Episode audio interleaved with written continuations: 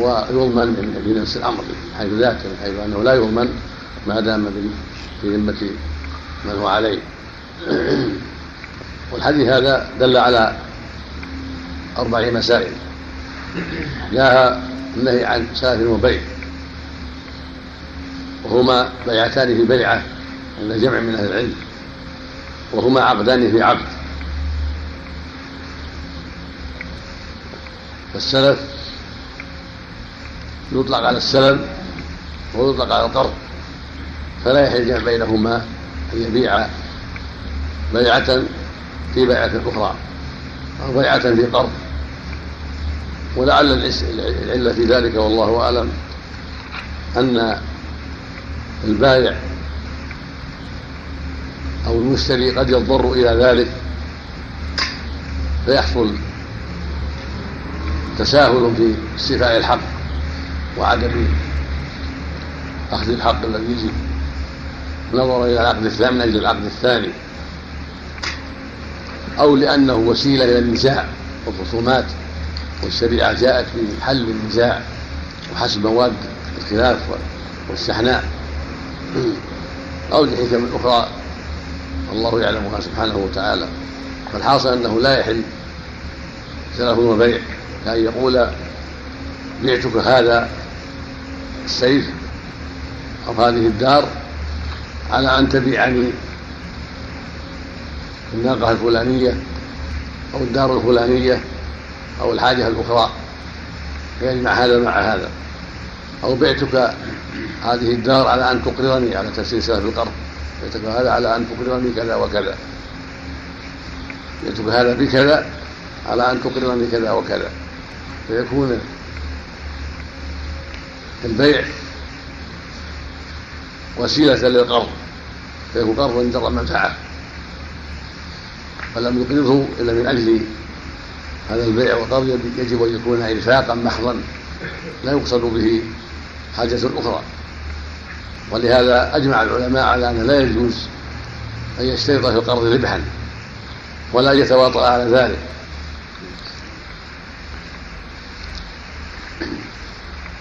وصورة العقدين في العقد كثيرة صورها كثيرة لكن هذا منها. وهو قد يفضي إلى النزاع والخصومات وقد يفضي إلى عدم استيفاء الحق من أجل العقد الثاني كالقرض مثلا. فإنه إذا أراد أن يقرضه لا بد أن يتنازل عن بعض الشيء في قيمة المبيع من أجل حصول القرض فيكون في المعنى إنما أقرضه بشر وفائدة.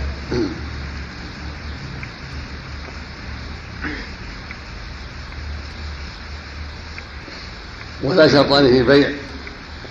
شرطان في بيع فسر في بيعة عند قوم. ومن إلى هذا أبو العباس بن تيمية رحمه الله. وهو قريب من من من من عن سلف وبيع.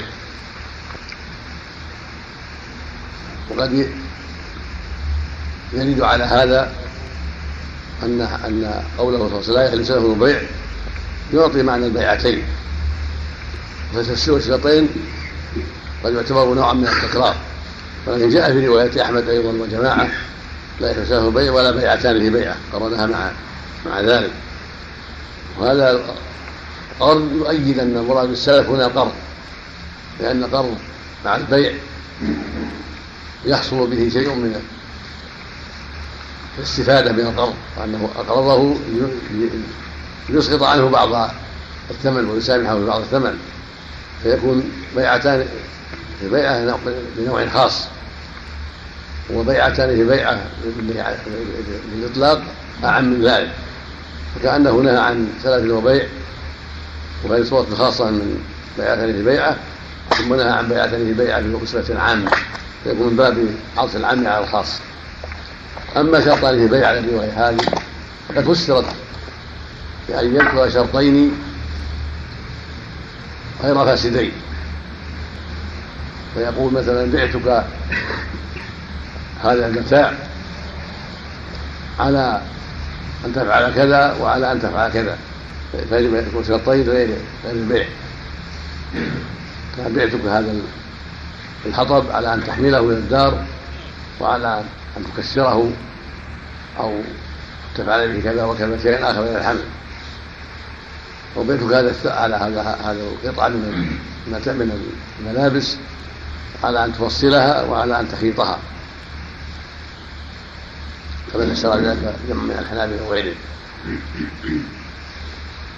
وبعضهم فسره بشرطين فاسدين وهذا من باب أولى. ظاهر الحديث العموم سواء كان فاسدين أو صحيحين أو أحدهما فاسد والآخر صحيح فالحديث يعم يعم الجميع يعم صور الشرطين. ولعل ذلك أيضا والله أعلم لأن وجود الشرطين قد يفضي إلى نزاع قد يفضي إلى خصومة والشرع يتشوف حسب المواد التي تفضي إلى النزاع والخصومات والخلاف بين المسلمين.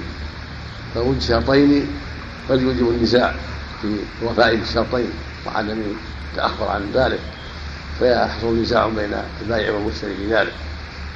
أما الشرط الواحد فلا بأس كما يفهم من نهي عن الشرطين من قلب واحد لا بأس به. وقد وقع ذلك في قصة جابر في بعيره حين اشترط حملانه إلى المدينة فأقره النبي صلى الله عليه وسلم ووافق عليه. فدل ذلك على أن الشرط الواحد لا حرج فيه وإنما النهي عن الشرطين. وهذا أظهر وأبين من تفسير الشرطين بالبيعتين لأن البيعتين بيعة شرط في بيع عقد في عقد بخلاف الشرطين مع البيع وهو معنى آخر واضح في أنه قد يفضي إلى النزاع وقد يفضي إلى اختلاف. وأما رواية أبي حنيفة عن بيع وشرط فهي معلولة كما قال المؤلف. في رواية الطبراني غريب وهو معلول.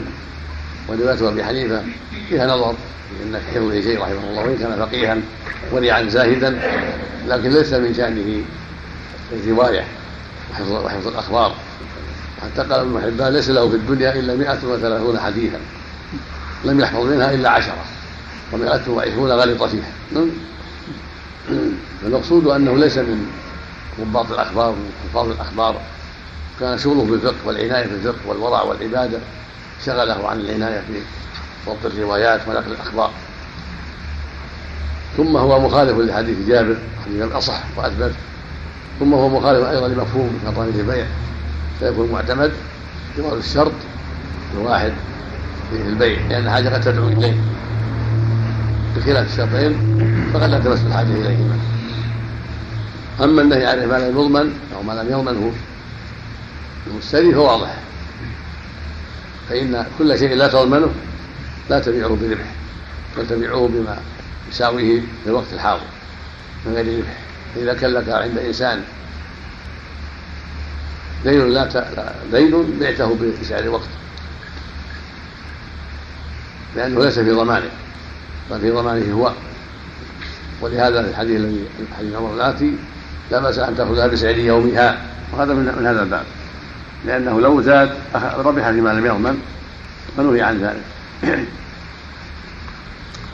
ولهذا كان ابن عمر يبيع بالدراهم ويأخذ الدنانير ويبيع الدنانير ويأخذ الدراهم كما في الحديث. فسأل النبي عن ذلك عليه الصلاة والسلام فقال لا بأس أن تأخذها بسعر يومها ما لم تستيقظ بينكما شيء. فيحصل التقابض مع سعر الوقت.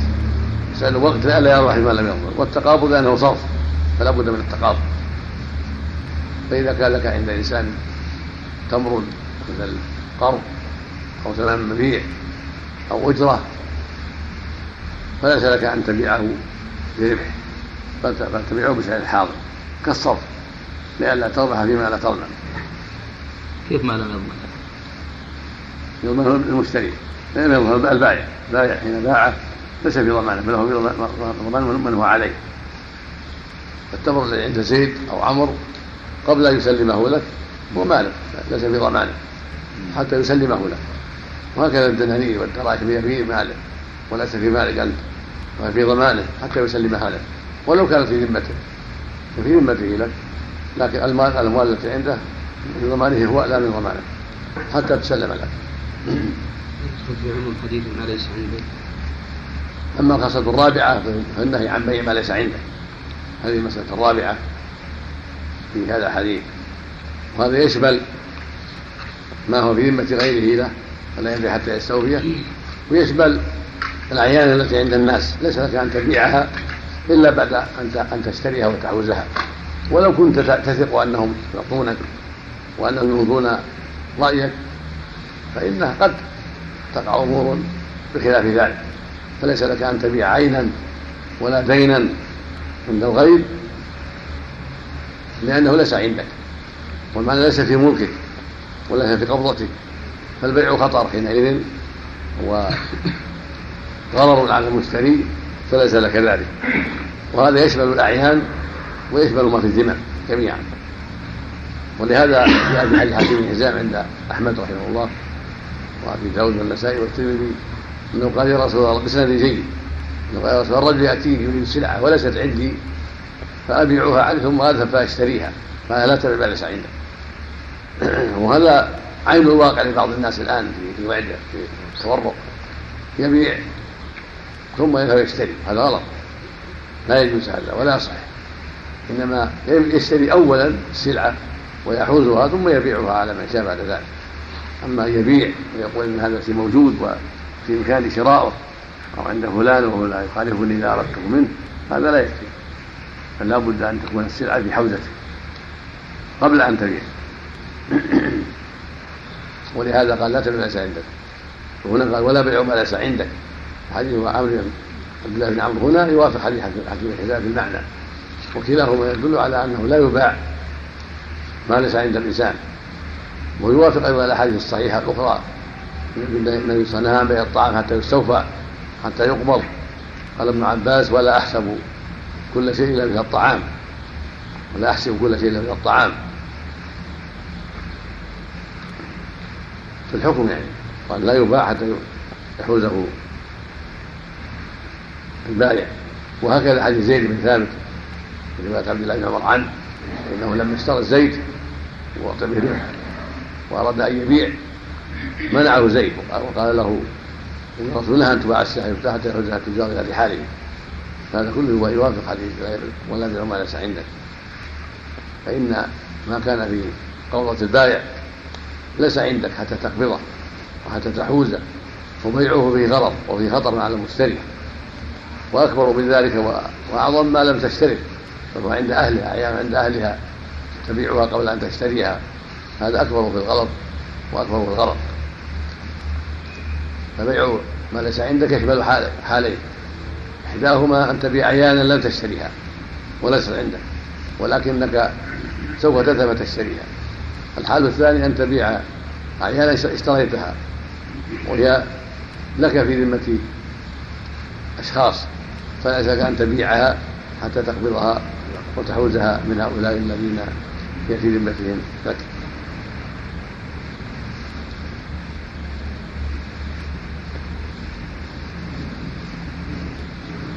والحديث الخامس حديث ابن عمر. النهي عن بيع النجس. النجس. مصدر النجس يريد نجسا. هو الإثارة للأثمان بزيادة منك. ونجس الصيد ونجس الظبي. إذا أثار. فالناجس يثير الأسواق يثير الناس أن يزيدوا. وهو غير قاصد للشراء وإنما أراد نفع البائع أو أراد الضرر على من له رغبة في الشراء. قد يكون تواطأ مع البائع أو رأى رجلا له رغبة وهو يكرهه ويريد ضرره فيزيد من دون حاجة إلى من دون رغبة للشراء ولا قصد للشراء هذا منكر ولا يجوز وظلم وعدوان. ولهذا نهي عنه. وجاء في حديث التناجي لا تحاسدوا ولا تناجسوا وهذا مفعل. فلا ينجس ابتداء ولا ينجس مقابلة. كل ذلك لا يجوز. فالتناجس مثل التحاسد ممنوع. فإذا وجدت سلعة تباع ورأيت أنها رخيصة أردت أن تنفع البائع تقول أرفع فيها حتى أنفعه بذلك. فليس لك ذلك إلا إذا كنت تريد الشراء. فلو كانت تساوي ألف ولم ولم تسمي إلا بخمسمائة ليس لك أن تقول ست سبع حتى ترفعها. إلا إذا كان لك قصد في الشراء. وليس لك أيضا أن تفعل ذلك من أجل المضارة. هذا من باب أولى أيضا. ليس لك أن تسوم إلا إذا كان لك أصل في الشراء وإلا فلا. والأمر عند الله ليس عندك في منفعة البائع. والله أعلم. سمع العربان نعم. كذلك حديث عن العربان نعم. العربان بالضم ويقال الأربان بالهمزة. ويقال عربون بالواو. والعربون بالواو مع الهمزة. وهو مال يدفع لصاحب السلعة عند السوم منه. ويقال إن اشترينا فهو من الثمن. وإن لم نشتري فهو لك. في مقابل إمهالك إيانا وإنظارك إيانا. وهو معروف عند الناس العربون. والعربون باللام بعضهم. فالحاصل أن أن هذا المال يدفع لصاحب السلعة لينظر السائل لينظره ويمهله بعض الوقت لينظر أو ليشاور. فهذا اختلف فيه العلماء فذهب قوم إلى منع لهذا الحديث وقالوا إن أخذ المال بغير حق وذهب آخرون إلى جوازه واحتجوا بعمل عمر فإنه ثبت أن عمر رضي الله عنه اشترى من صفوان بيتا في مكة في السجن. بوسط نافع بن عبد الحارث الصحابي الجليل.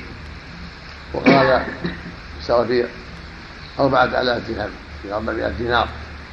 وجعل له عربونا. وقال إن اشترى عمر فهو من الثمن وإلا فهو لك بإزاء صبرك. فتوافقوا على هذا. هذا يدل على جوازه. قد اجتمع فيه ثلاثة من الصحابة عمر وصفوان ونافع بن عبد الحارث وزاعي احتج بهذا أحمد وجماعة وقالوا إن هذا من عمل عمر يدل على الجواز والحديث هذا ضعيف اللي فيه النهي فإنه بل رواه مالك بلاغا ويقال واسده بعضهم من طريق مالك عن ابن نهيعة وبعضهم عن عبد الله بن عامر الأسلمي وكلاهما ضعيف. فهذا الحديث ضعيف وعمل عمر جيد وهو من الخلفاء الراشدين رضي الله عنهم وأرضاه. ثم الأصل في المعاملات الحل هذا هو الأصل. حتى يجوز حتى يوجد دليل واضح صريح في المنع. وليس هناك حجة واضحة في المنع. فصار قوله قول عمر في جوازه ثم الحاجة تدعو إلى ذلك. لأن بعض الناس قد لا يمهل ولا يرضى بالإمهال إلا بشيء. والحاجة تدعو إلى بذل هذا الشيء من أجل التشاور أو من أجل النظر في أمر آخر قد لا يتيسر له النظر فيه.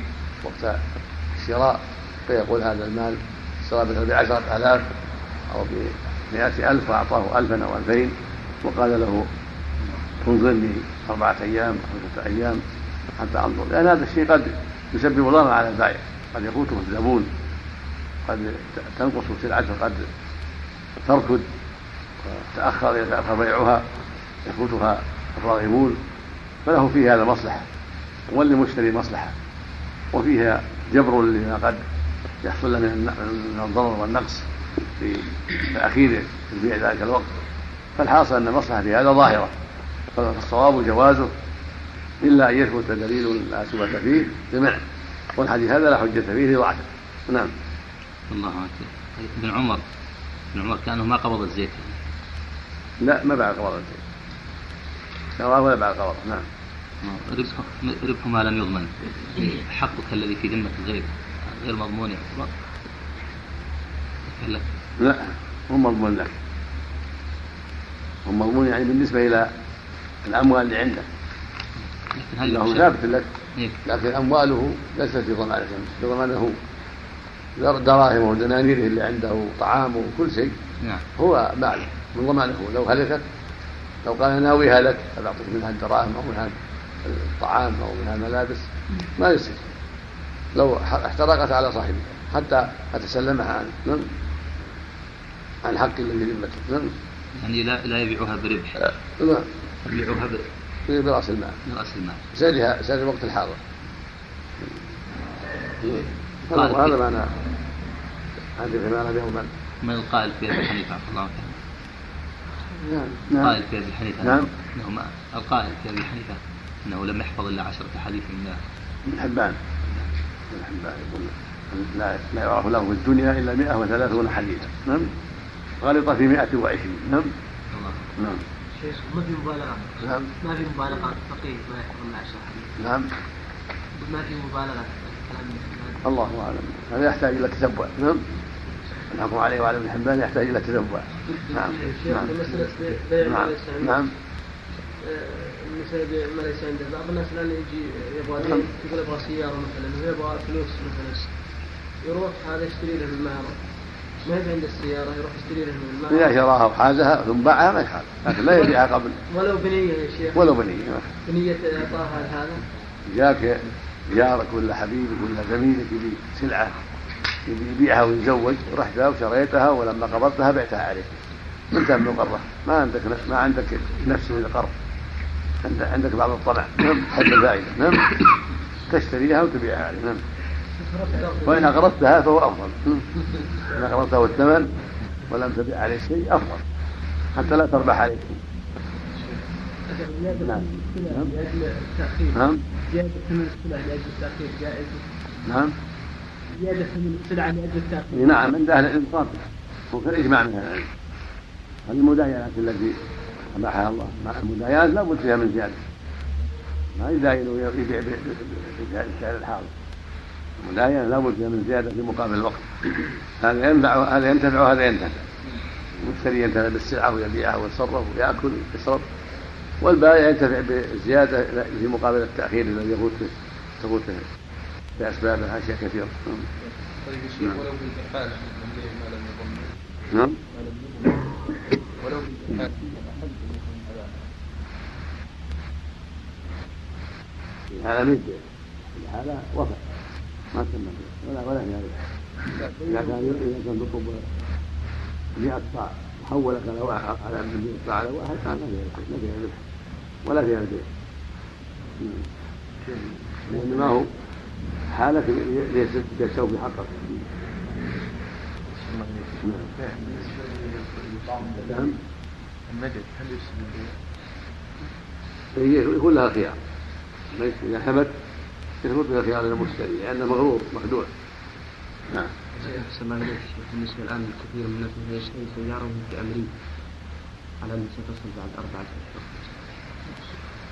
إذا كان بوصف وصف ثابت وهي مملوكة للبائع إذا كان أوصافها معروفة فالصحيح أنها يضبط الوصف السيارة تضبط الوصف. السيارات مثل البعير مثل النعل أو مثل البقرة أو مثل تضبط تضبط الوصف.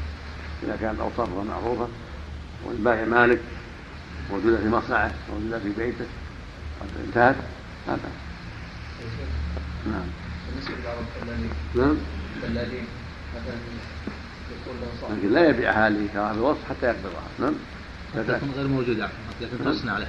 ها؟ أقول تصنع له. إذا وصفها صنعت له. تكون غير موجودة في انظر على البائع إذا صنعت وصلت فحقها نعم. نعم. نعم.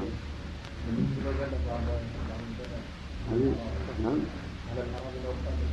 ارفع صوتك صاحب الأرض إيه. لو قال دلال لعمل الأرض فباع عنها من أصبح بزيادة ما يجوز. الا باذن. هذا في مقابل ما اخيك موجود إلا إذا باعها 60 أنا أراد من 60 زايد لك. يحتاج. نعم.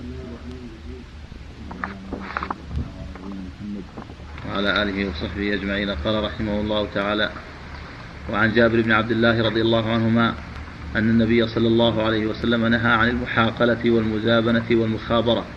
وعن الثنية إلا أن تعلم دنيا غلط. معه غلط دنيا وزن دنيا قبلة. هذا اللي كنا ن- نقرأها الأول الثانية لكن أشكل عليه ضبط.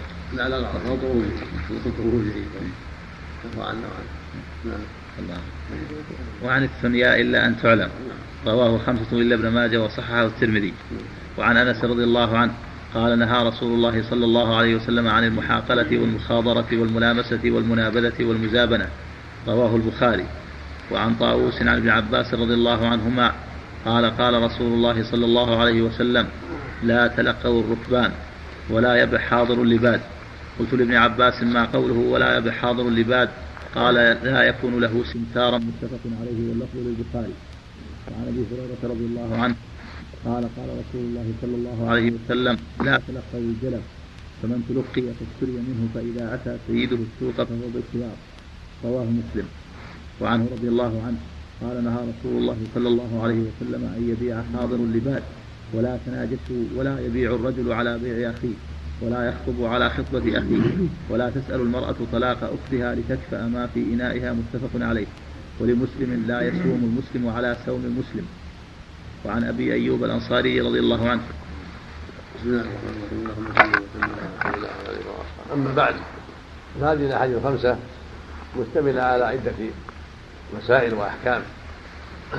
الحديث الأول حديث جابر عن عبد الله بن عمرو بن حرام الأنصاري رضي الله تعالى عنهما أن النبي صلى الله عليه وسلم النبي نهى عليه الصلاة والسلام عن المحاقله والمخاطرة والمجابنة. وعن الدنيا إلا أن تعلم. هذا الحديث دل على أربع مسائل. جاء النهي عن المحاقلة قال العلماء وهي بيع الحب في الزرع. إما بطعام من غير مراعاة المماثلة لأنها لا تمكن فيكون ربا أو بيعه قبل أن يشتد حبه فيكون بيعه حينئذ غير غير جائز لأنه غرة للآفات والأشهر الأول وبيعه للطعام. كما فسره جابر. وذلك لأنه ربا. لأن السنبل سورة الزرع. لا يعلم المكيل الذي يلجأه له معلوم فباع مجهولا بمعلوم. فلا يجوز وشرط الأموال الربوية ومن الجواء شرطها أن تكون متماثلة. كمن بيد. هذا غير متماثل. فلا يصح لكن على هذا لو باعه بعد اشتد حبه. وباعه بالمفعول أو بغير جنسه يدا بيد صح. حتى يشتد. واذا اشتد الحب كان مثل كما اذا بدا صلاحها جاز بيعه واذا باعه بما يجوز به بيعه. فلا حرج في ذلك. أما في حالين فلا يباع. إحداهما إذا كان لم يشتد. لأنه غرة في الآفات فلا يجوز بيعه. هذا الثاني أن يبيعه بجنسه فلا يجوز أيضا غير متماثل فلا يبيع حنطة بحنطة. هذا زرع وهذا حبة فيه غير متماثل لأن حاصل الزرع غير معلوم فلا يجوز بيعه بمثله. لكن لو باع الحنطة بآصع من رمز أو بتمر يدا بيد وقد اشتد حبه فلا حرج على قاعدة. إذا الأصناف في كيف يكون؟ إذا كان يدا بيد أما المزابنة هو بيع الربوي بجنسه هذا زرع زرع حنطة بالرطب يعرض بالتمر ليعلم بالزبيب هذه متابعة قال بعضهم الجبل والدفع ولعل ذلك لأن لأن المتابعين يتابعان حرصا على كل واحد أربع هذا يحرص على أن يبيع وهذا يحرص على أن يشتري لما يتخيله أو لما يقصده أو لما يريده كل واحد منهما من من الربح والفائدة. ومنع هذا كما جاء في حديث عمر للربا. يعني بيع الزرع بالمكيل ربا بسبب عدم التماثل. بيع الرطب بالتمر ربا لأن لأن غير التماثل ما يعلم التماثل. بيع عنب بالزبيب ربا لأن غير معلوم التماثل فمنع. فلا يباع التمر إلا بشيء بشيء سواء بسواء يدا بيد. وهكذا. ما أشبه ذلك. فمنعت المزابنة لهذا لوجود الربا وهي بيع في رؤوس النخل رؤوس النخل بالتمر بيع الزرع. بالمكين بيع الناب بالزبيب هذه المزابنة من الممنوعة من الربا لأن ما في رؤوس النخل وما في الزرع. والعنب في شجره لا يعلم مساواته لما يدفع في مقابل جنسه الحب أو التمر أو التمر أو الزبيب أو وشر الربوي اذا بيع بجنسه أن يكون مثل باثم سواء بسواء يدا بيد وفي مزارع لا يتحقق التماثل فمنع أما المخابرة فاختلفوا فيها. فسرها بعضهم بالمزارعه المعروفة الجائزة. وهي ارتفاع الأرض بحيث ما ياخذ منها الربع وهذا التفسير خطأ وغلط لأن هذا شيء جائز. قد أجازه النبي صلى الله عليه وسلم ويتعامل أهل خيبر بشد ما يأخذ منها من يكون من الزرع هذا جائز الزراعه جائزة. الزراعه جائزة. فالصواب في المخابره أنها بيع أنها زراعة الأرض بجزء مما يخرج منها من نفس الزرع. هو مشاع من نفس الزرع. كان يقول زارعك هذه الأرض على أن لي الجزء الشمالي ولك الجزء الجنوبي. أو زارعك على أن لي غربيها ولك الشرقي. هذا مجهول. قد يطيب هذا ويضعف هذا. قد يبتلى هذا بشيء من الآثار. مثل ما جاء في حديث رافع بن خديج. فلا يجوز. ويلتحق بذلك ما فيه جهالة. مثل أن يقول زارعك هذه الأرض على النصف وزيادة. آخر مع مع مع المشاع هذا فسر به أيضا أيضا تفسير صحيح لأن فيه جهالة. فلا يجوز. فالمخابرة هي مزارعة فيها جهالة فيها خطأ فتمنع أما المزارعة التي ليس فيها جهالة كأن يزارع الأرض بأصل معلومة أو بدراهم معلومة هذه إجارة. هي مزارعة الحقيقة فلا بأس بها. أو يزارع الأرض بالثلث ما خرج منها بالربع بالنصف فلا فلا فلا بأس أيضا لأنها مزارعة واضحة قد اشترك فيها في الربح والغرب فلا حرج في ذلك كما فعله النبي مع أهل خيبر. ونسبة الرابعة السنة جلة جملة ينهى عنها بجهالة فلو قال أبيعك هذه الغنم إلا خمسا منها ولا يبينها أو إلا واحدة منها ولا يبينها لم يصح لأن قد يختار الطيب منها النفيس فيضر المشتري ولهذا قال إلا أن تعرف روى مسلم هذا الحديث روى مسلم رضي الله الحديث في صحيحه بغير الإثم إلا أن تعلم ولهذا اختار المؤلف هذه الرواية وإذا كان مسلم لأن فيها صراع من النهي عنه الدنيا وقد يحسب المؤلف أن يقول مسلم في صحيحه لكن بغير الإثم إلا أن تعلم ذكر هذا وكان حسبا ورواه مسلم صحيحه لكن ليس فيه إثم إلا أن تعلم كما سبقت على بعض الرواة. وروى هذا السند زيادة وأحمد والمقصود أن الدنيا إن كانت مجهولة حرمت وأفسدت البيع وإن كانت معلومة فلا بأس. فإذا قال بعتك هذه الأرض إلا كذا وكذا.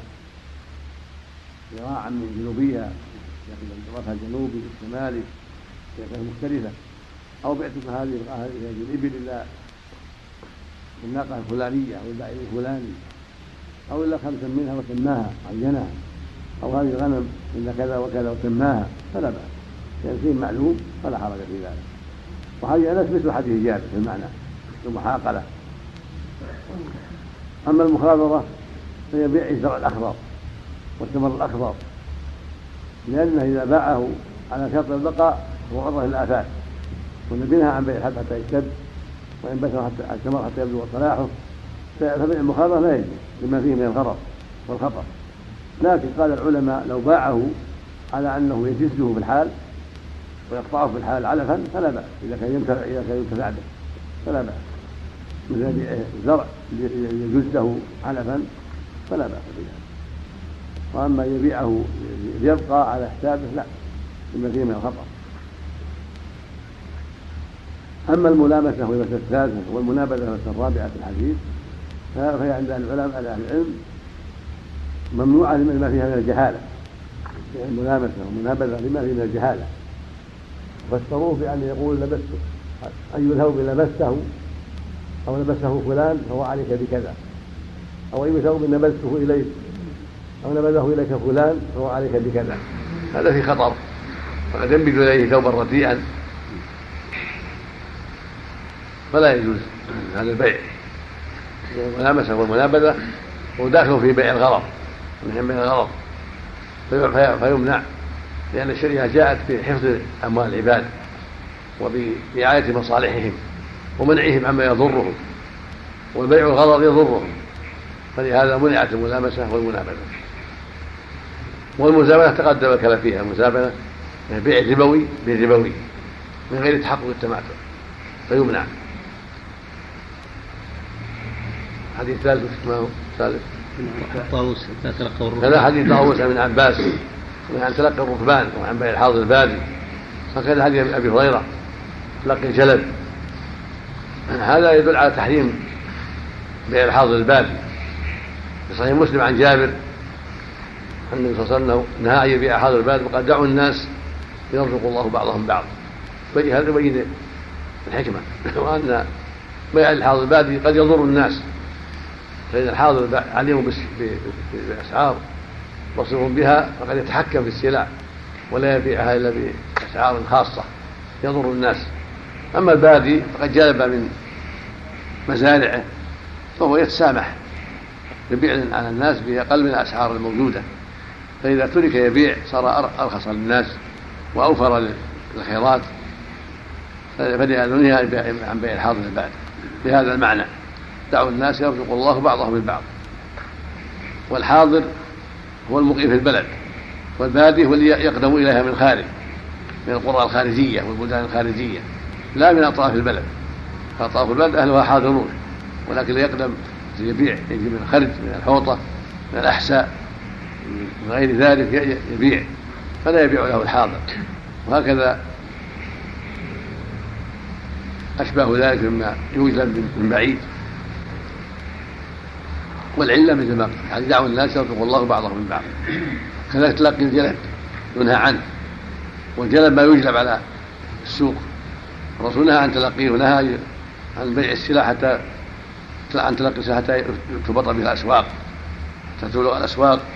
وهذا في رعاية الجاري والأول في رعاية الحاضر في عن بيع الحاضر. الباب في رعاية الحاضرين والمقيمين وفي نهي عن تلقي الجلب رعاية أحوال الجالبين لئلا يخدعوا.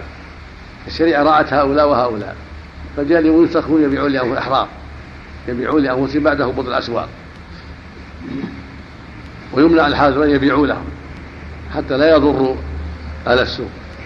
فالجالب يبيع ويتصرف حرا ولا يتلقى فيخدع ولا يبيع له الحاضر فيضر أهل الأسواق ويضر أهل البلد. وهذا في رعاية الطائفتين ورعاية الجانبين وتحصيل المصلحتين.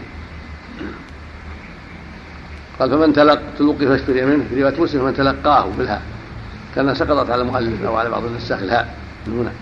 من تلقاه واشترى منه يعني من تلقى جلب واشترى منه فهو بالخيار. إذا توقف واشتري من قبل هبوط السوق وهو بالخيار. إذا شاء الرجوع فله الرجوع. لأنه قد يخدع في التلقي. فله الرجوع والخيار إذا رأى, أنه مغبون وأن المتلقي قد غمنه ولهذا قيد هذا بعض أهل العلم بالغبن. قال إذا رأى إذا كان قد غبن فله الخيار. أما إذا كان لم يغبن فلا خيار له. هذا القيد وجهه أو وجهه. لا حاجة إلى الخيار ما دام ما هناك قبل وهو كذلك ليس له حاجة في الخيار ولا سوف لا يختار إذا كان ما هناك قبل الحاصل أنه إذا تلقي فله الخيار. وظاهر النص الإطلاق وأنه له أن يختار فسخ البيع مطلقا ولو لم يغبن لأنه قدر أن أن عدم العجلة في بيعه أصلح له. قدر أنه مغبون وإن لم يغبن فله الخيار. وهذا وهذا القول أظهر لأن الرسول ما قيد ولأن قد يختلفون. هذا يقول في قبل وهذا يقول ما في قبل فإذا جعل لها خيار كان هذا أقرب إلى طيب نفسه وإراحة قلبه وهو أقرب إلى النص الأخذ بظاهر النص. فله خيار مطلقا غبن أو لم يقبل لأمرين أحدهما أن الغبن قد يختلف الناس فيه. هذا يقول مغبون هذا يقول مغبون. والأمر الثاني أنه أطيب لقلبه وهناك أمر ثالث وهو تعزير المتلقي وتأديبه حتى لا يعود التلقي. ففيه مصالح ثلاث. الأول قطع النزاع في الاختلاف هل هو أو ما غبن فنقول له خيار وانتهينا. ثانيا أنه أطيب لقلبه قد يقول انه غشوني قال ما ما عليك غبن وعلي غبن واطيب لقلبه أن يستخي اذا راى ذلك. ثالثا نوع من التأديب للمتلقي والتعزير له على ما فعل من معصية الله. فيكون هذا له الخيار يطيب قلبه ولهذا يقع نزاع في الغبن ما هو الغبن؟ ولأن فيه نوع من تأديب لهذا المتلقى. والحديث الخامس حديث أبي هريرة النهي عن بيع الحاضر البادي وتقدم.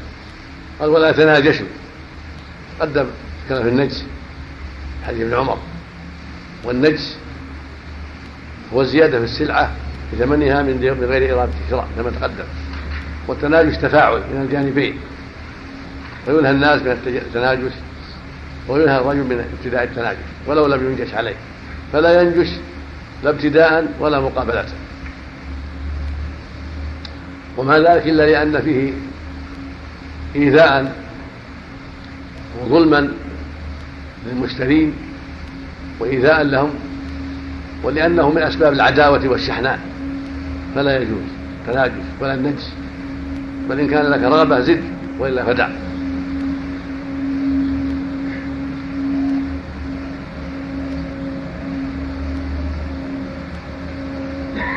المسألة الثالثة لا يبيع على بيع أخيه.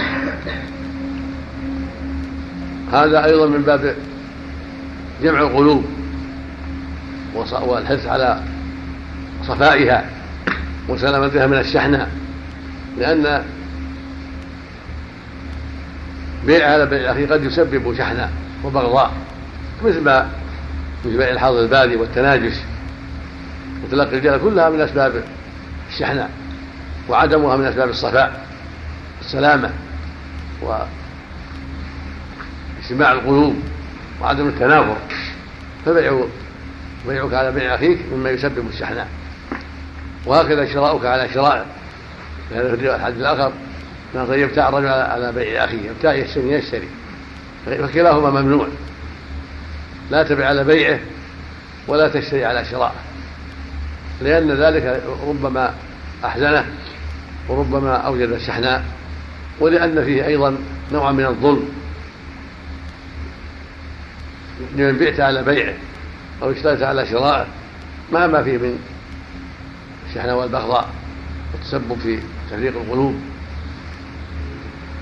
وصورة البيع على بيع أخيك أن تقول لمن اشترى من زيد بعشرة أنا عندي أحسن منها بعشرة أو بتسعة حتى تبيع على بيعه حتى يهون يعني مدة الخيار خيار شرط أو خيار المجلس وظاهر النص ولو في غير مدة الخيار.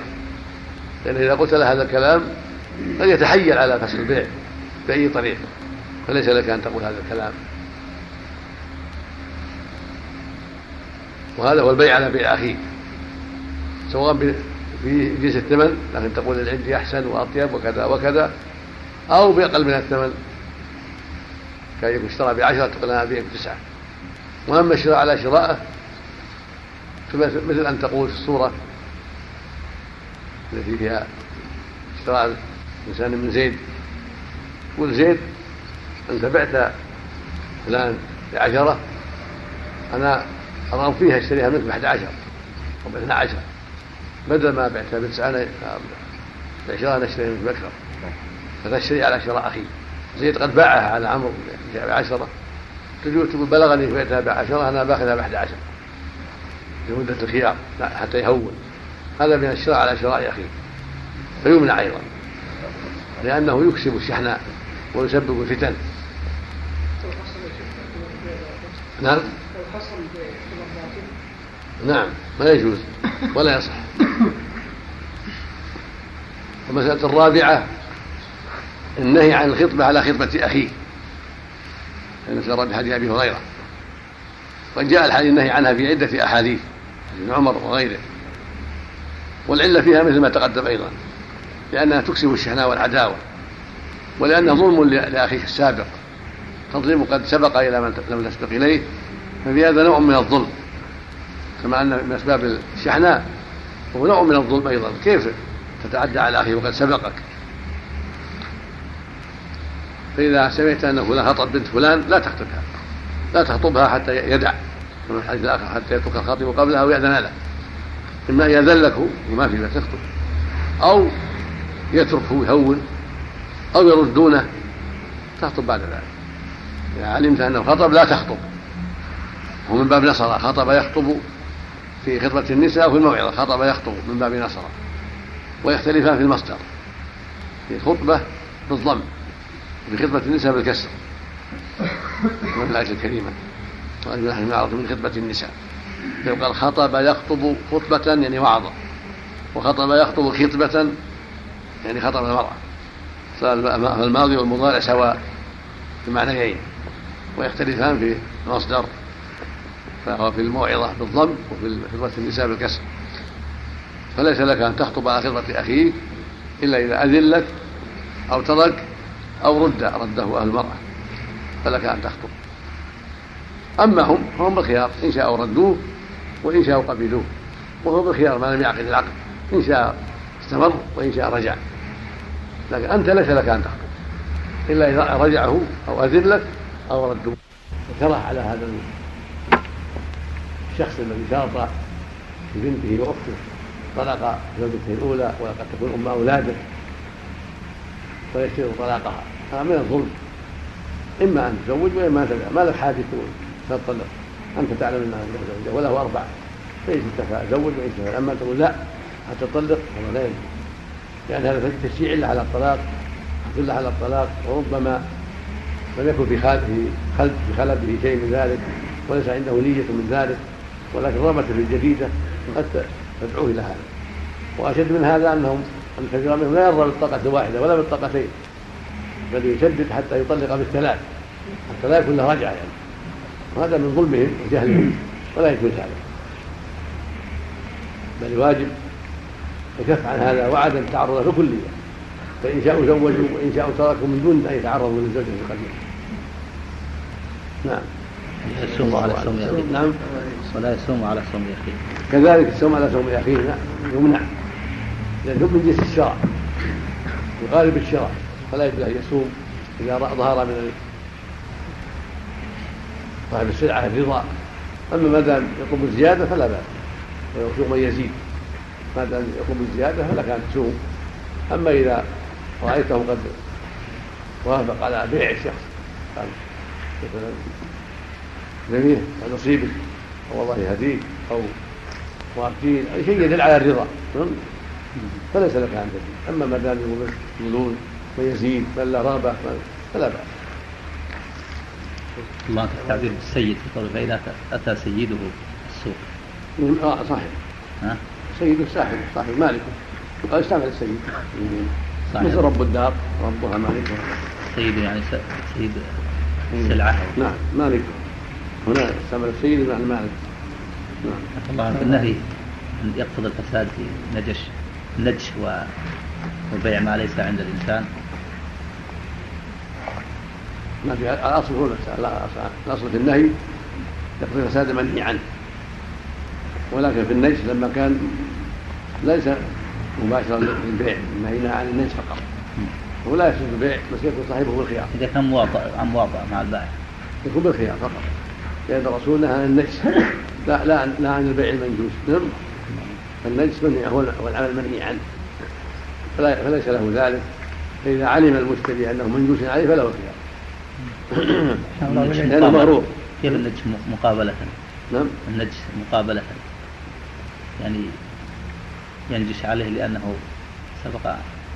هذا معناه ما, ما في قصاص. لا يجوز القصاص في هذا لأن هذا القصاص يضر غيره نعم؟ فلا يجوز. كيف يعني صورته؟ زيد عرف أن عمرو نجش عليه في سلعة الفلانية. نعم؟ فقال سوف أعمل ضده. فصار يأتي السوق وينظر لعله يجده يسوم فيه. نعم؟ فينجش عليه كما نجش عليه في السلعة الفلانية. نعم؟ ما يكون قصاص من باب القصاص. نعم. ما يكون قصاص لا ما منهي عن هذا القصاص هنا منهي عنه لأنه قد يضر غير الآخرين. نعم. قد لا يشتري هذا هذا المنجوش عليه ويشتري غيره. نعم. يضره. نعم. فعل المخابرة إذا نعم. إذا كانت على حظ البائع شرط أن تكون على حظ نصابها نعم. بيع المخابرة. مم. اشتراها الزرع أخضر. واشترط أن أن يبقى على حظ البائع. ما. أصابه آفة ما يجوز. هذا من بيع الثمر قبل بدون صلاحه المحاقلة والمزابنة لأن المحاقلة جزء من المزابنة لأنها أخص.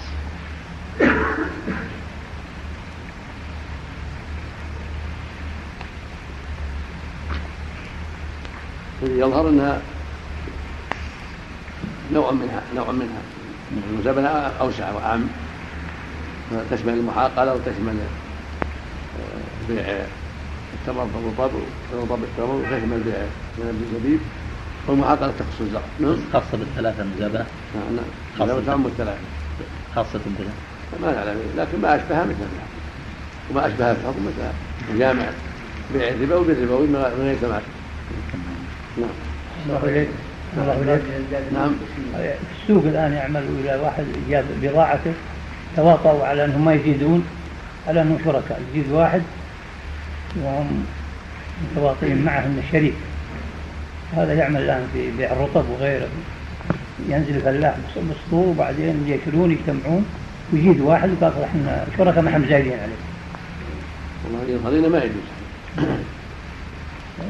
يعني هذا فيه ظلم لأصحاب السلع. ظلم لهم بدون حق. نعم الله إليك والتواضع على هذا من المشترين ما هو ظاهر كل منتشر. أقول منتشر بكثرة الآن. في هذا في الدهن وفي كل شيء كل ما ظلم من قلة المبالاة نعم. لا حول نعم. كيف يكون بيع التمر بالتمر نعم. بيع التمر بالتمر مثل مثل كيف صاعين؟ صاعين ثلاثة صاعات أربعة فأربعة وهكذا سواء بسواء. ولو كان واحد أقل من واحد. ما أحد يشتري التمر بالتمر نعم.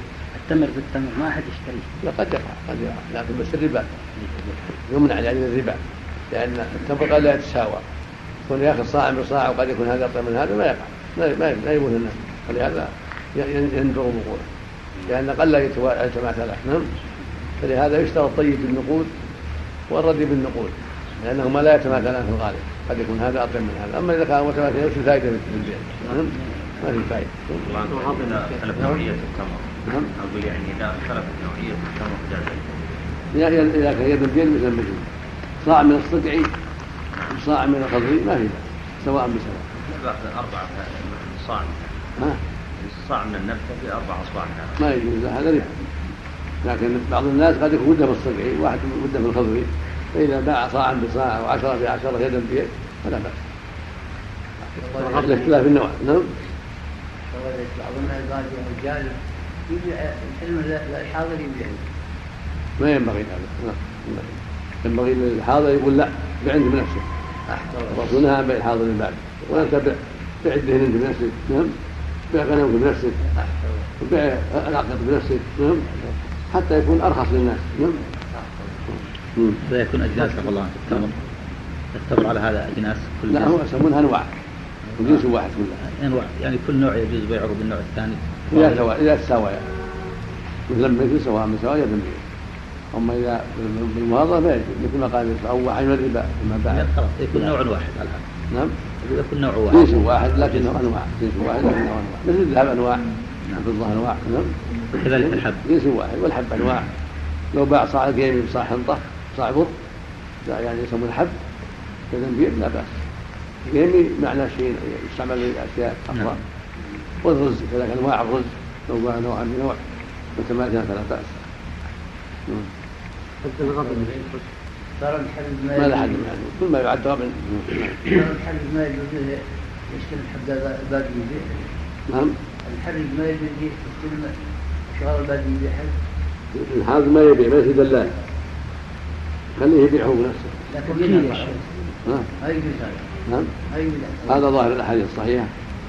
انها يبيع حاضر لبعد نعم. قال ابن عباس لا يكون له سمسارا سمسار الدلال. لأنه وش تقول؟ وش تقول؟ ولا وش تقول لفلان ويزيد ويشغلهم حتى يوصلها إلى النهاية. نعم. أقول هذا عمل الأسواق. نعم. أقول هذا السؤال ماشي على هذا. الله يهدي جميعا. عليك. إذا- إذا انتفت العلة عفى الله. نعم. إذا انتفت العلة يكون يدخل يوميا إلى السوق ويعرف الأسعار. الخرج يأتي ولو ولو. خلوه يتولاه بنفسه؟ لأنه إذا تولى بنفسه أرخص الناس يمل ويبيع ولا يبطي ولا- ولا يخليه يومين ثلاث وده يمشي. نعم أرخص للناس. نعم بعضهم عفى الله عنكم لا يحسن البيع. يشاور. يشاور الحاضر ولا يبي ولا يتولى الحاضر. يشاور ما في بأس كان أبو طلحة طل- طلحة بن عبيد الله في بعض مع بعض الناس وأنا ما أبيع. لكن لكن يبغى تشاورني يشاور. نعم شيخ لو استثنى من نوع واحد مثلا باع تمر قال استثني منها المن نبيع ب 10 سنان خلاص استثني منها من؟ اذا كانت الدنيا معلومه ما يبقى يعني الدنيا الا أن تعلم إذا كان السكن معلوم لا إذا كانت أساسا كلها سواء كلها أخلاق سواء. قال نبي الساعة من البائع والعاشر نعم. لك يا شيخ. ما تجي مطلقا. فاسق مسلم هو هو كافر وظاهر الحديث ولو كافر لكن لكن قال أخي صلح على اخيه يظهر منها يدعم نعم نعم لك يا شيخ بالنسبة للمزارعة إذا رضي العامل بجزء غير مشاع يجوز؟ رضي. قال مهما يكون الأمر حتى ولو أصابك آفة أو شيء. لا ما يجوز. ولو رضي. مسكين جاهل. قد يرضى بما يضره. نعم. الشارع أحكم منه وأرحم. نعم. مثل لو رضي بالربا ما يصلح. نعم. ينبغي سلمك الله. نصيحة في نعم. لأن أكثر الناس واقعين في طريقة البيع. هم أكثر تقريبا 100 أو 99 أقل قد يكون شبهة مثل ما قال لهم يعرفوا الأسعار يعني ولا يريدون يستريحون بس. نعم. وهم يعرفوا الأسعار لكن أرادوا يستريحوا. نعم. نعم. لكن لا في ظاهر النصوص أو لا. نعم مطلق. نعم. نعم. بسم الله الرحمن الرحيم. الحمد لله رب العالمين والصلاة والسلام على نبينا محمد. وعلى آله وصحبه أجمعين. قال رحمه الله تعالى وعن أبي أيوب الأنصاري رضي الله عنه قال سمعت رسول الله صلى الله عليه وسلم يقول من فرق بين والدتي وولدها من فرق بين والدتي وولدها فرق الله بينه وبين أحبته يوم القيامة. رواه أحمد وصححه الترمذي والحاكم. لكن في إسناده مقال وله شاهد. وعن علي بن أبي طالب رضي الله عنه قال أمرني رسول الله صلى الله عليه وسلم أن أبيع غلامين أخوين فبعتهما ففرقت بينهما فذكرت ذلك للنبي صلى الله عليه وسلم فقال أدركهما فارتجعهما ولا تبعهما إلا جميعا. رواه أحمد ورجاله ثقات وقد صححه ابن خزيمة وابن الجارود وابن حبان والحاكم والطبراني وابن القطان. وعن أنس بن مالك رضي الله عنه قال غلا السعر في المدينة على عهد رسول الله صلى الله عليه وسلم. فقال الناس يا رسول الله غلا السعر فسعر لنا. فقال رسول الله صلى الله عليه وسلم إن الله هو المسعر القابض الباسط الرازق. وإني لأرجو أن ألقى الله تعالى وليس أحد منكم يطلبني بمظلمة في دم ولا مال. رواه الخمسة إلا النسائي وصححه ابن حبان. وعن معمر بن وعن معمر بن عبد الله رضي الله عنه عن النبي صلى الله عليه وسلم قال لا يحتكر إلا خاطئ. رواه مسلم. وعن أبي هريرة رضي الله عنه عن النبي صلى الله عليه وسلم قال لا تصر الإبل والغنم فمن ابتاعها بعد فهو بخير النظرين بعد أن يحلبها إن شاء أمسكها وإن شاء ردها وصاعا من تمر. متفق عليه متفق عليه. ولمسلم فهو بالخيار ثلاثة أيام. وفي رواية له علقها البخاري ورد معها صاعا من طعام لا سمراء. قال البخاري والتمر أكثر. وعن ابن مسعود رضي الله عنه قال من اشترى شاة محفلة فردها فليرد معها صاعا. رواه البخاري وزاد الإسماعيلي من تمر. وعن أبي هريرة.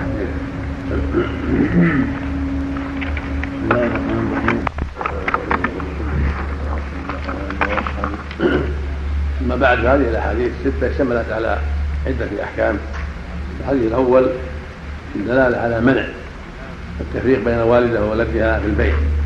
وأن الأرقة لا يفرق بينهم بل يباعون جميعا أو يبقون جميعا حرصا على بقاء الرحم بينهما والتعاطف بينهما ورحمة لهما. والحديث المذكور فيه الوعيد الشديد وهو يدل على تحريم ذلك يعني وتفرق الله بينه وبين احبته يوم القيامة وهذا وعيد شديد يدل على المنع. عكس ما اشار له الشارع إنه يدل على الجواز لأن لو كان لا يمضي ما احتاج إلى هذا الوعيد. بل لم يفرق بينهما وانتهى الموضوع. لكن هذا ليس بجيد. الوعيد في حق من أمضى الأمر وتساهل أما من لم يفرق فلا وعيد عليه. المقصود أن ذكر الوعيد لا يلزم منه مضي البيع. ولكن هذا مضمونه الحذر من امضاء البيع والحذر من التساهل. ومثل البيع الهبة وأشبه ذلك مما يفرق بينهما في الملك. لا في جهة. أما لو كان هذا يعمل في جهة وهذا في جهة ما يضر. عند أهل العلم. من هذا يعمل في الحجاز وهذا يعمل في الشام. وهما في ملك صاحبهما. لا يضر ذلك. وقول المؤلف رحمه الله وفي اسناده مقال ذكر الشارع أن قال من جهة أنه من رواية حيي بن عبد الله المعابد وحيي هذا لا بأس به قال فيه حافظ بن صدوق يهم. وان كانت العلة هذه فالعلة ليست في ذلك وله شاهد ذكر الشارع أنه رواه الدار والحاكم حديث عبادة. وفيه حتى تزوج الجاريه حتى يبلغ الغلام تحريم الجاريه وظاهره ان أن الحكم مغيى بالبلوغ فاذا جاء البلوغ جاز التفريق. وظاهر حديث أبي أيوب الإطلاق. أنه لا فرق بين الجارية البالغة والغلام البالغ. وما ومن دون ذلك. فإن صح هذه عبادة فهو مقيد لإطلاق حديث أبي أيوب ولإطلاق حديث علي. وفي الباب ذكر المؤلف أن فيه إسناد عبد الله بن عمرو الواقف ولم يكلف على ترجمة. ولكن في الباب حديث صحيح عند مسلم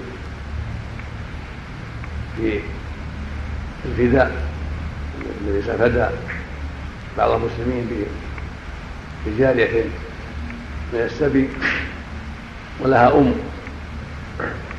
فدفعها في الفداء.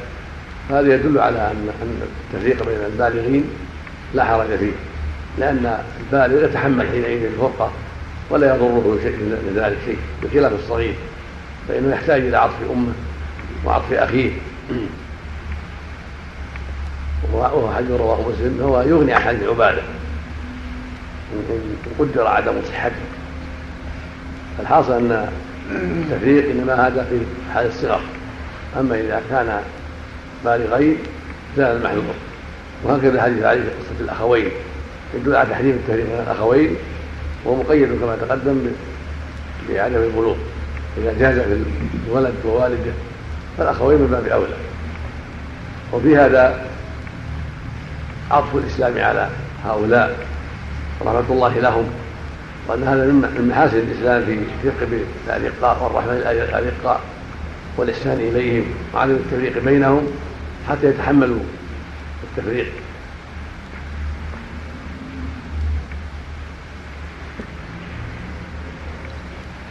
وفي الحديث الثاني حديث أنس دلالة على تحريم التسعير. وانه لا يجوز التسعير لأن ربنا عز وجل هو مسعر ولأن التسعير يفضي إلى ظلم الكثير من الناس وقد يفضي إلى نفس الغلاء وقلة السلع واحتفاظ الناس بها وجحدهم لها فيأتي بشر كبير فيراد منه التيسير فيأتي بالعكس. ولهذا قال صلى الله عليه وسلم لما قيل فساعد لنا قال إن الله هو المسعر القابض الباسط الرازق. لا أرجو الله لا أرجو أن يلقى الله تعالى وليس أحد يطلب من الظلمات في دم ولا مال. هذا يشير إلى أن التسعير فيه نوع من الظلم. ولهذا تركه صلى الله عليه وسلم ولم يسعر للناس وهذا هو الحق أنه لا يسعر للناس بالأسعار العامة. بل يترك يترك الناس يرزق الله بعضهم من بعض كما قال صلى الله عليه وسلم دعوا الناس يرزق الله بعضهم من بعض رواه مسلم عن جابر رضي الله عنه. لكن دلت السنة والمعنى على جواز التسعير في الأمور الخاصة والمقيدة مثل ما قال صلى الله عليه وسلم في الذي اعتقد شركا له في عبد يقوم عليه قيمة عدل. هذا نوع من التسعير للضرورة فإن جعل العبد على هوى صاحبه يتحكم مما يضر المعتق. فمن اعتق شركا له بعبد لا يترك صاحب الشرك الثاني يتحكم ويطلب ما أراد لا. بل يقوم عليه قيمة عدل فيسلم المعتق قسطه من الثمن فإذا اعتق عبدا شركة بينه وبين زيد أنصافا فاعتق النصف لزمه عتق النصف الثاني إذا كان مؤسرا في ماله. فيقوم ويقال لأهل المعرفة ما ما قيمته. فإذا قالوا يساوي عشرة آلاف سلم المعتق لصاحب النصف الثاني خمسة آلاف إذا لم يعتقه. وبدأ من العهدة بهذا التقويم. هذا نوع من التسعير للحاجة والضرورة. إذا لو ترك الشريك يتحكم لطلب ما لا يحد. ولطمع في ظلم أخيه وإيذائه. فالشارع حسم المادة وأمر بالتقويم حتى لا يقع ظلم من الشريك. وهذا قد عمل عمل عملا طيبا وعملا يحبه الله هو العتق فلا ينبغي أن يضيق عليه ويؤذى. ومن ذلك لو لو لو تمالى أهل صنعة خاصة على اغلاء الأسعار بدون موجب كالجزارين أو الحلاقين أو ما أشبه ذلك تمالأوا في أي قرية أو بلد أنهم لا يبيعون الكيلو إلا بكذا أو لا يحلقوا إلا بكذا بشيء زايد لا يتناسب مع رخص الأغنام أو رخص الإبل أو البقر فالزايد فلولي الأمر أن يمنعه من ذلك.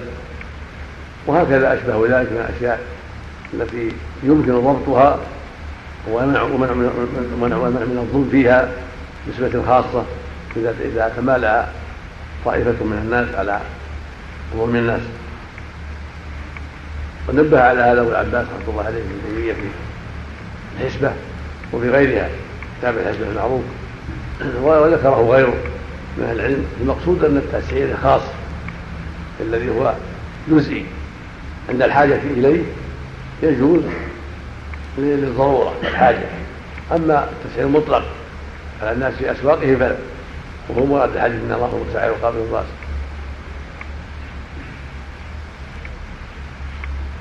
هكذا أهل التكاسي وهكذا أشباه ذلك.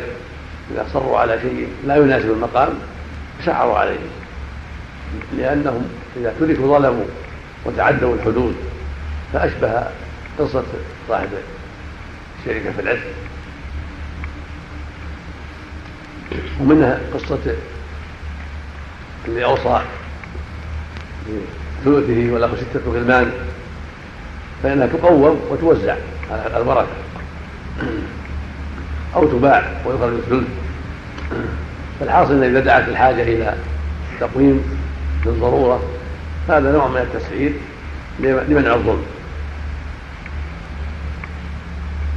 الحديث الرابع حديث معمر بن عبد الله العدوي بن عم عمر رضي الله عنهما عن النبي صلى الله عليه وسلم أنه قال لا يحتكر إلا خاطئ الخاطئ وزن آثم فهو معناه الخاطئ هو الآثم وزن ومعنى وفي اللفظ الآخر من احتكر فهو خاطئ يعني آثم والاحتكار فسره أهل العلم في النهاية وغيرها بشراء الأطعمة على وجه يضيق على الناس يأذيهم يحبسها حتى يبيعها بأغلى. هذا هو الاحتكار. وهكذا ما أشبه على الصحيح. لا يختص بالطعام بل يدخل في قوت الفهارم وما تدعو الحاجة إليه من أمور الناس. فيمنع لأن الرسول أطلق من احتكر فهو خاطئ. وجاء في بعض الروايات من طعامهم. هذا من باب من باب ذكر أفراد ما قد يقع فيه الاحتكار وليس من باب التقييد المطلق. والجامع المضرة. فإذا كان يؤدي إلى مضرة منع وإلا فلا. إذا كان في وقت الأطعمة أو نحوها كثيرة وليس بالناس مضايقة فاشترى من ذلك ما يحبسه عنده حتى يبيعه في وقت آخر فلا بأس. لا يكون هذا من باب الاحتكار. ولكن إذا كان في الوقت ضيق ومشقة هذا يمنع لأجل لا لأجل ألا يضر على الناس. وهكذا ما يدخره من من مزرعته. لا يسمى فيها محتكرا من ادخر من مزرعته حتى يبيع في وقت حيث يشاء لا لا يسمى محتكرا. المحتكر من يشتري من الأسواق ويحبسه ليغلى. هذا هو محل الاحتكار. لكن لو ضاق على الناس طعام أو غيره من الأمور وعند بعض الناس سعه ألزم بأن يبيع بالسعر المناسب. كما يلزم المحتكر إذا دعت الضرورة إلى بيع الأطعمة التي عند المختزن لها وإن كانوا غير محتكرين ألزموا بذلك ان المسلم شيء والمسلم شيء واحد. كل واحد يرفد أخاه ويعينه ويقف عليه وهم جسد واحد وبناء واحد. لكن محتكر ظالم فيمنع.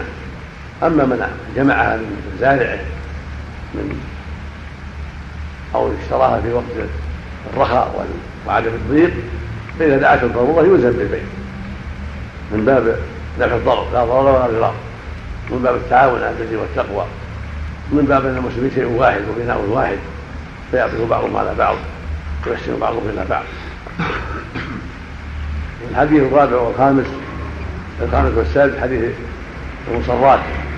لا تجوز التصلية والتصلية جمع اللبن في الضرع حديث لا تقصر الابل والغنم ونهى النبي عن التصليه والنهي أصله التحريم.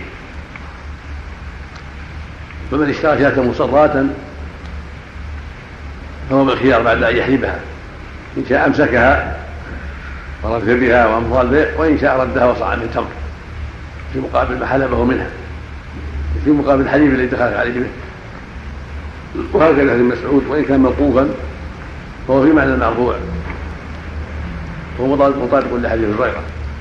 ان اشترى شاة محفلة ردها فرد مع صاع من تمر. صاع زاد اسماعيل من تمر. زاد سعيد في تخريجه للبخاري من تمر. هذا يدل على أن المصراه وهي محينة يسمونها الناس المحينه إذا ثبت ما يدل على أنها مصراه فإنه يردها له الخيار ثلاثة أيام كما المسلم. فإذا اتضح له أنها محينة مصراه ردها إذا شاء. ورد معها صاعا من تمر. جاء في رواية أخرى من طعام لا سمرا والطعام لا يفسر بالتمر. ولهذا قال البخاري التمر أكثر. في رواية التمر أكثر من رواية الطعام. فالمراد صاع من طعام من تمر بدلا من من اللبن الذي أخذه منها حين دخلت عليه. وإذا كانت البلاد ما فيها تمر فما يقوم مقامه ما يقوم مقام الصاع من التمر. طعام أو نقود على حسب حال البلاد.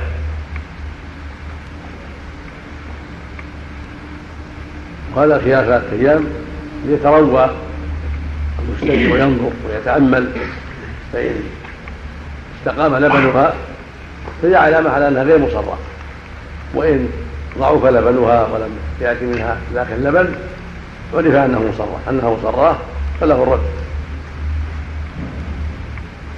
وليرد معها ما تقدم صاع من تمر. وليس للبائع أن يحيي أن يصري معناه التصريح أنه يحبس اللبن. مثلا في بيع الضحى يحبس فيها لبن البارحة مع لبن الصبح. أما لبن الصبح ما يسمى مصرا لكن إذا حبس لبن البارحة أو ما قبلها صارت مصرة أما إذا باع بلبن الصباح فقط فليس مصرة لأن هذا لبنها العادي لبنها الصباح.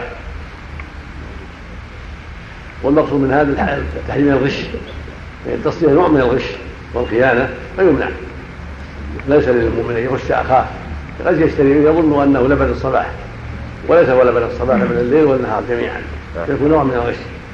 ويقول إن هذا لبن الصباح ما يبين انه لبن الليل والصباح فيقول لبن الغش. أما إذا بين زال المحلول إذا قال ترى هذا اللي هي لبن الليل والنهار جميعا مارحه والصباح.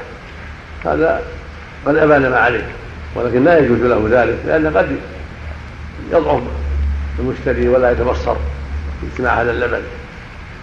فربما التبس عليه الأمر. ولهذا قال لا تصروا فدل ذلك على لا ينبغي التصفيه ولا تجب التصفيه بل ياخذ لبنها ويبقي فيها لبن الصباح إذا كان في الصباح. وإذا كان في الليل أبقى لبن الليل حتى تعرف حالها حتى يعرف حالها. سم. الله عنك أخ- إذا أخبر الب- البائع بالتصرية يقول إذا أخبر. الظاهر انتهى إذا أخبره لا لا. إذا أقدم عليها. أو إذا أقدم فقد رضي بالعيب نعم. التصرية هذه يكاد يجمعون عليها. البائعين الغنم يبيعونها الحليب لكن بعضهم يخبر. الذي يظهر لأن متى أخبره. مثل ما لو قاتل بها مرض كذا أو مرض كذا. لا لا. يعني برئ منها. خيار ثلاثة أيام ثلاثة أيام نعم أحسن الله إليك شيخ.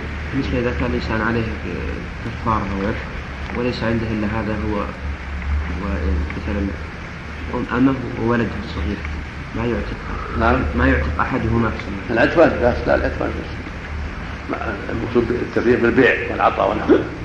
أما العتق قد أحسن جزاه الله خير لأن العتق ما يمنع من وجوده مع قريبه قد يسافر إليه في هو فيه وقد يتصل به. لأنه حر. نعم. مسألة أحسن الله إليك. امتياز السيارات. مثلا الإنسان يأخذ السيارة وما يبيعها إلا هذا الشخص. هل نعم. هذا امتياز السيارات أو امتياز بعض السلع؟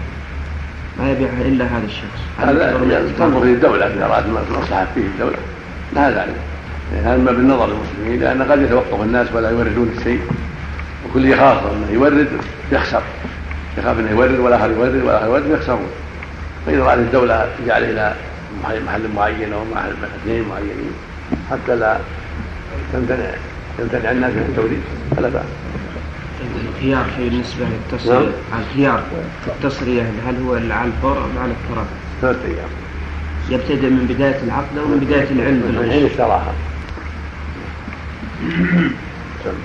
بالنسبة للرد أحسن الله إليك يعني رد الصاع. هل يمكن أن يرد قيمته؟ إذا وإحنا الرجل صاع إذا ترضوا على قيمة أو ترضوا على شيء آخر. صاع من رز أو صاع من حنطة أو صاع من إذا ترضوا عليه.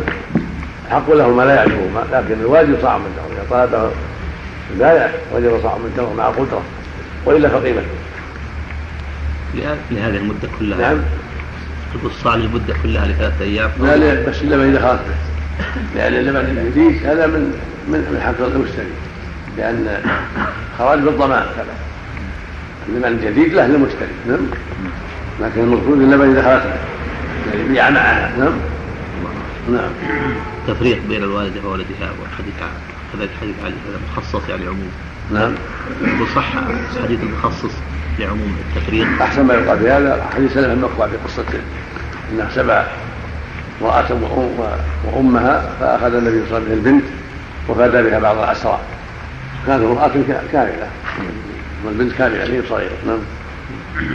هذا يدل على جواز التفريقة نعم. لكن ولو كان فعل نعم ولو كان فعل يعني يخصص ولو كان فعلا ليس بقول. ما في شك نعم. قاعدة إذا جاء النهي وجاء الفعل المخالف يدعى النهي ليس للتحريم والسلام على نبينا محمد وعلى آله وصحبه أجمعين. قال رحمه الله تعالى وعن أبي هريرة رضي الله عنه أن رسول الله صلى الله عليه وسلم مر على صبرة طعام فأدخل يده فيها فنالت أصابعه بللا فقال ما هذا يا صاحب الطعام؟ قال أصابت السماء يا رسول الله. قال أفلا, أفلا جعلته فوق الطعام كي يراه الناس؟ من غش فليس مني رواه مسلم.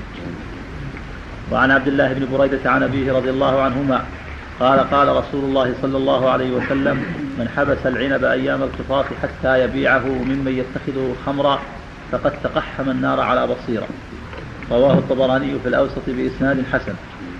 وعن عائشة رضي الله عنها قالت قال رسول الله صلى الله عليه وسلم الخراج بالضمان. رواه الخمسة وضعفه البخاري وأبو داود.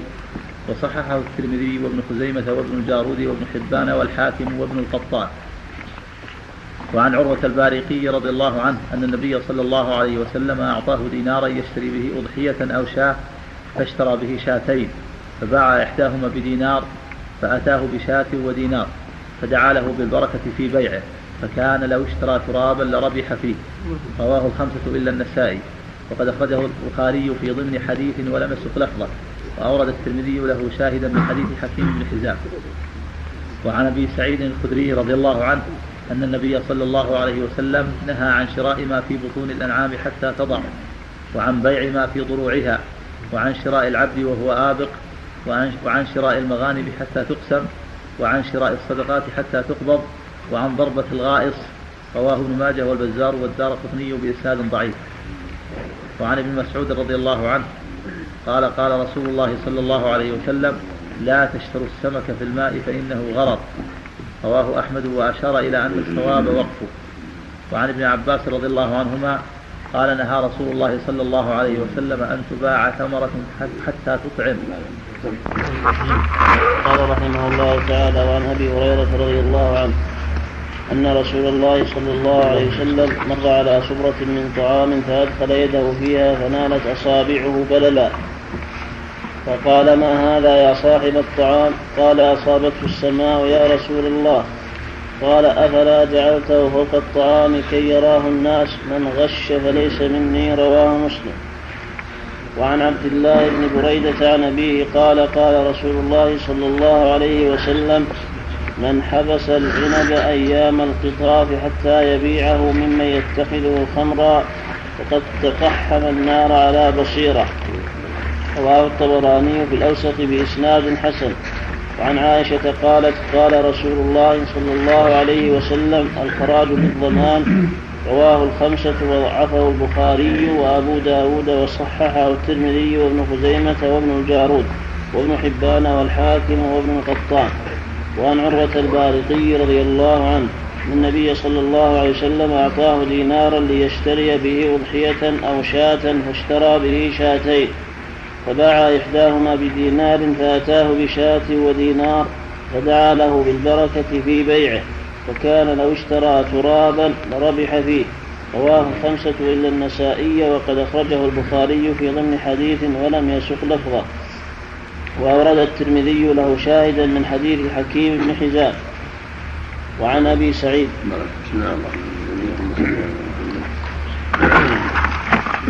قال المؤلف رحمه الله وعن أبي هريرة رضي الله عنه عن النبي صلى الله عليه وسلم أنه مر على صورة من طعام. فأدخل يده فيها. فنالت أصابعه بللا. قال ما هذا يا صاحب الطعام؟ قال أصبت السمع يعني مطر يا رسول الله. قال أفلا جعلته قد كي يراه الناس؟ من غش فليس مني. رواه مسلم في الصحيح. والمؤلف ذكر في هذا الباب أنواع من الأحاديث وصنوع من الأحاديث الأحكام. تقدم منها جملة كبيرة وهذا هذه الأحاديث الأخيرة كذلك. فيها صنوف من الأحكام. وهذا الحديث يدل على تحريم الغش وأن الواجب على المتعاطي البيع والشراء أن يتقي أن يتقي الله وأن ينصح في المعاملة وأن يحذر الخيانه والغش. وهذا مثال من أمثلة الغش. إذا كان الطعام فيه خلل فيضع الطيب أعلى ويضع المصاب أسفل حتى يخفى على من يريد الشراء. هذا من الغش الواجب أن يكون المبيع واضحا للمشتري ليس فيه ما يخفى عليه ويضره خفاؤه عليه.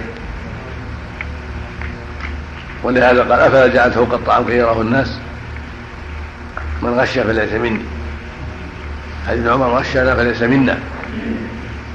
هذا من باب الوعيد الشديد. ويدل على تحريم الغش والخيانه وأن من غش فليس من المسلمين. قال سفيان وجماعة من العلم ينبغي أن تجرى هذه الأمور على ظاهرها لأنه أعظم في الزجر يعني احاديث الوعيد ينبغي أن تجرى على ظاهرها وأحاديث الرجاء كذلك.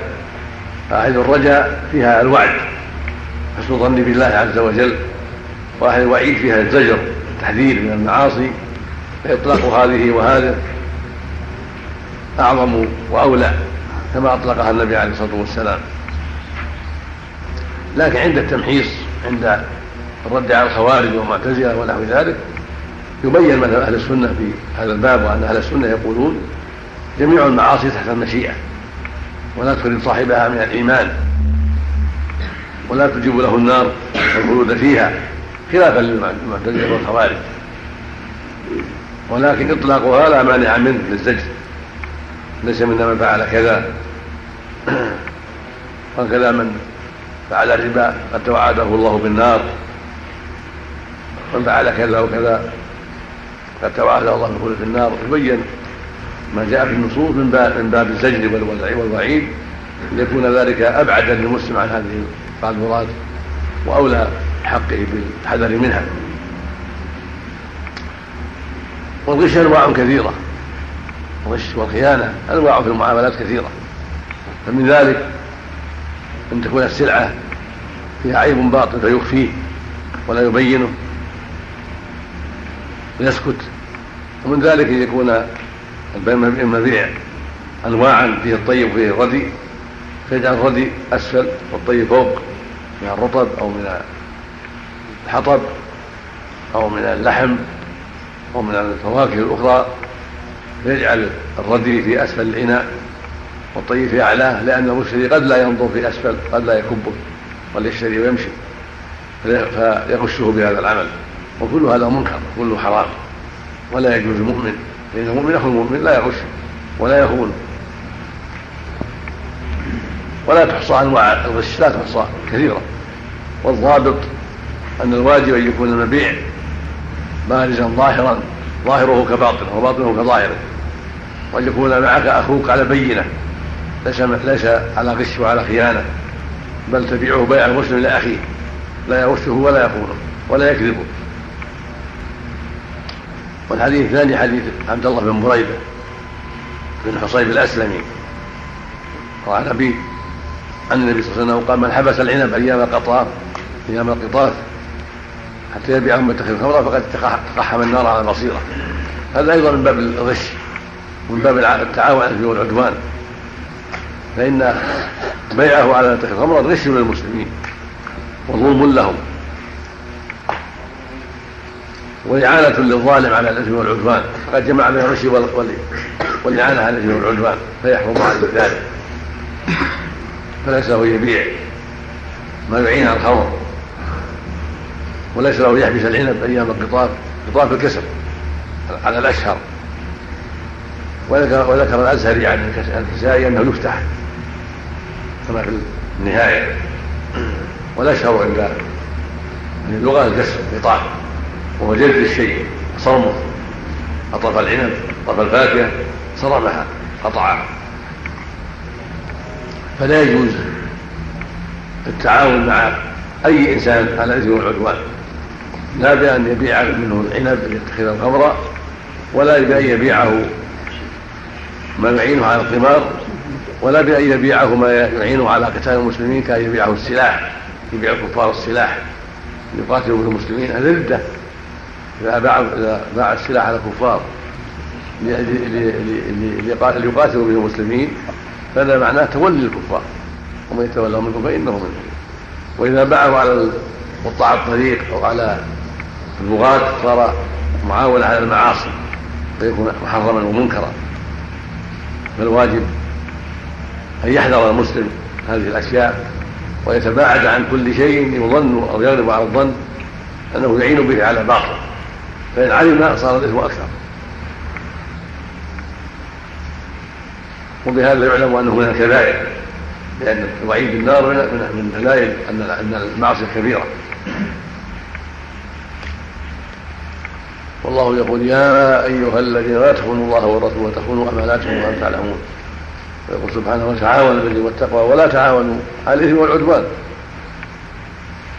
فالغش والخيانة. للمسلمين ظلم لهم وعدوان عليهم. ومساعدة الغاشين والخائنين. والظالمين أيضا تعاون على العدوان وغش للمسلمين والحديث الثالث حديث عائشة رضي الله عنها. أم المؤمنين. عن النبي صلى الله عليه وسلم أنه قال الخراج بالضمان الخراج الغلة والدخل. مثل إجرة البيت ثمرة النخل وإجرة الأرض وأشبه ذلك. فهو لمن عليه الضمان. من كان عليه الضمان فالغلة له. إذا كان حيوان أو غلام في ضمان الإنسان فغلته له. يستعمله يؤجره. يحمل عليه شيئا لأنه ضامن له وتكون له الغلة. وقد ضعف البخاري رحمه الله وأبو داود هذا الحديث يعني من رواية مسلم بن خالد الزنجي المعروف عن شيوخ الشافعي رحمه الله. وقد تكلم فيه بعض أهل العلم وهو كما التقريب له أوهام وهو صدوق وله أوهام. وجاء أيضا من رواية مخلد بن مغافل بن ايما الصحابي مشهور ومخلد هذا قيل فيه مقبول. جرحه بعضهم لأنه غير معروف. ووثقه ابن حبان ووثقه ابن وضاح رحمه الله. فالحديث لا بأس به ولا ولهذا صححه الترمذي وابن خزيمة والمنذر معهم. فاخرجه الترمذي أيضا بلسان جيد. فالحديث صحيح. ورواية مخلد مع رواية مسلم قال يشد تشد إحداهما الأخرى والروايه الأخرى شاهدة أيضا فالحاصل أنه جيد ولا بأس به ومعناه صحيح فهو صحيح من جهة المعنى صحيح من جهة السند وأصله أن رجلا اشترى عبدا واستعمله ثم ظهر به عبد عيب فرده فطالب صاحب العبد